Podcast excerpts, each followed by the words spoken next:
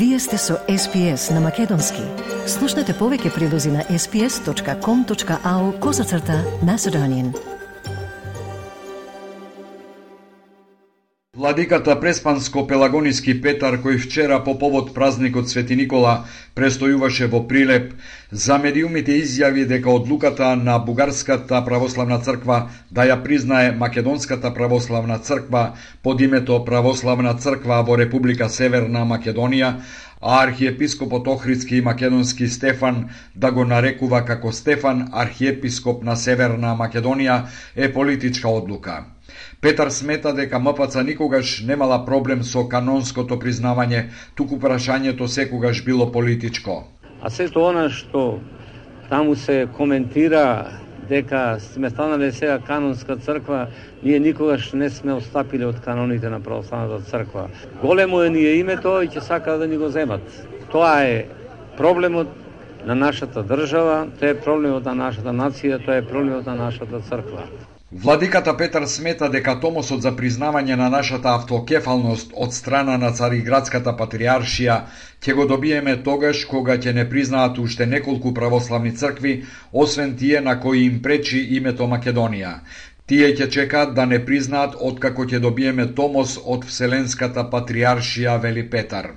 Уште три до четири цркви кои не би биле против, не им пречи нашето име, а останатите на кои им пречи нашето име, секако тие нема да не признат како автокефална пред да донесе Томос Царилевската патриаршија. Вчера во Прилеп за празникот Свети Никола требаше да присуствува и некогашниот втор човек на Московската патриаршија, митрополитот Иларион Алфеев, кој сега е надлежен за Руската црква во Унгарија, но тој не дојде. Според владиката Петар, тој не дошол затоа што неговата придружба не добила визи за Македонија. Работна група составена од членови на судскиот совет ќе го посети апелациониот суд во Скопје за да провери дали имало повреда на законитоста во одлучувањето за повеќе предмети од јавен интерес. Прв на листата е предметот Таргет тврдина за кој во петокот апелацијата одлучи да ја укине првостепената пресуда со која поранешниот шеф на тајната полиција Сашо Мијалков беше осуден на 12 годишна затворска казна. Покрај овој случај, председателката на судскиот совет Весна Адамева одлучи во препораките да бидат вклучени уште три предмети Трезор, Транспортер и Алфа. Да се констатира состојбата со следните предмети и тоа во смисла на почитување на законските рокови, превземените действија од страна на судијата и законитоста во одлучувањето во смисла на тоа дали учествувал судија кој што исполнил услови за старосна пензија. Американската амбасада соопшти дека санкциите на САД против Мијалков нема да бидат укинати без разлика на најновата одлука на апелацијата. Одлуката за укинување на пресудата против Мијалков и враќањето на предметот на повторно судење предизвика бурни реакции во јавноста. Дарко Аврамовски од коалицијата Сите за правично судење вели дека со оваа одлука на апелациониот суд се загрозува ризикот од застарување на делото. Предметот беше издвоен како таков поради неговото невообичаено долго траење во постапката во втор степен, односно речиси две години беше овој предмет пред апелациониот суд. Еве особено сега со со ваквата постапка односно со ваквата да пресуда од апелациониот суд и враќањето на предметот можеме да очекуваме повторно дека ќе има една многу долга постапка. Во вчерашното дообјаснување за укинувањето на пресудата од страна на апелациониот суд, се вели дека судот увидел дека се направени суштествени повреди во текот на постапката и дека пресудата била нејасна и неразбирлива, а немало ниту усогласеност меѓу изречената пресуда и доказите. Лидерот на ВМРО ДПМН е Христијан Мицкоски во вчерашната изјава за медиумите рече дека судството е заробено од власта. Според него власта си има своји судии и обвинители и затоа како што вели сите криминалци кои се во коалиција со нив не се в затвор, а тие што се патриоти скапуваат во затворите.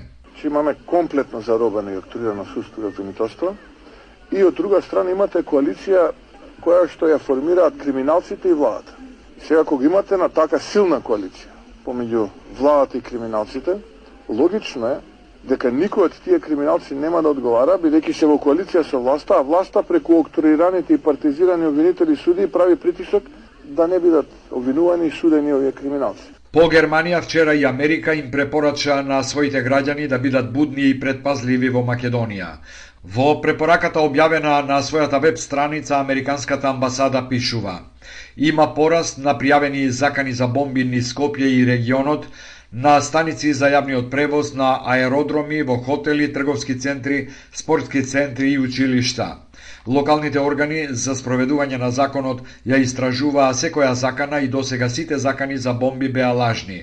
Ако се најдете на локација што добила закана за бомба, следете ги упатствата на локалниот безбедносен персонал и полицијата на самото место, се вели во предупредувањето на амбасадата на САД во Скопје. Министерката за одбрана Славјанка Петровска вчера за медиумите изјави дека нема реална закана од лажните дојави за бомби. Целта е да се предизвика паника и недоверба во институциите, меѓутоа и паника кај населението. Главната цел која ќе видите дека е а, психичка дестабилизација или влијание негативно врз граѓаните, сите препоставки се отворени. Министерот за надворешни работи Бујар Османи побара брзи и ефикасни решенија и пак напомена дека проблемот не е само домашен, туку и регионален. Лоцирање на безбедносните предизвици кои што се однесуваат посебно на нас и на нашиот регион и изнаоѓање на брзи и ефикасни решенија со цел да ги заштитиме нашите суштински вредности од независност, суверенитет, интегритет, безбедност, демократски вредности, либерални вредности. Пред три дена и Министерството за надворешни работи на Германија ги предупреди германските граѓани да бидат внимателни кога патуваат во Македонија поради заканите за бомби. Американскиот републикански институт ИРИ вчера објави анкета во која речиси 60 насто од граѓаните сметаат дека Македонија се движи во погрешна насока. Главниот проблем граѓаните го лоцираат во високите цени, во нискиот животен стандард и во корупцијата. Во таква ситуација, опозицијата го зголемува своето водство. Ако утре се одржат избори, за ВМРО да ДПМН ќе гласа 19 насто, за СДСМ 11 насто од граѓаните, што е значителен пад од ланските 16%. Рейтингот на ДУИ е стабилен со 7%, а Левица би имала поддршка од 6 на 100 од граѓаните.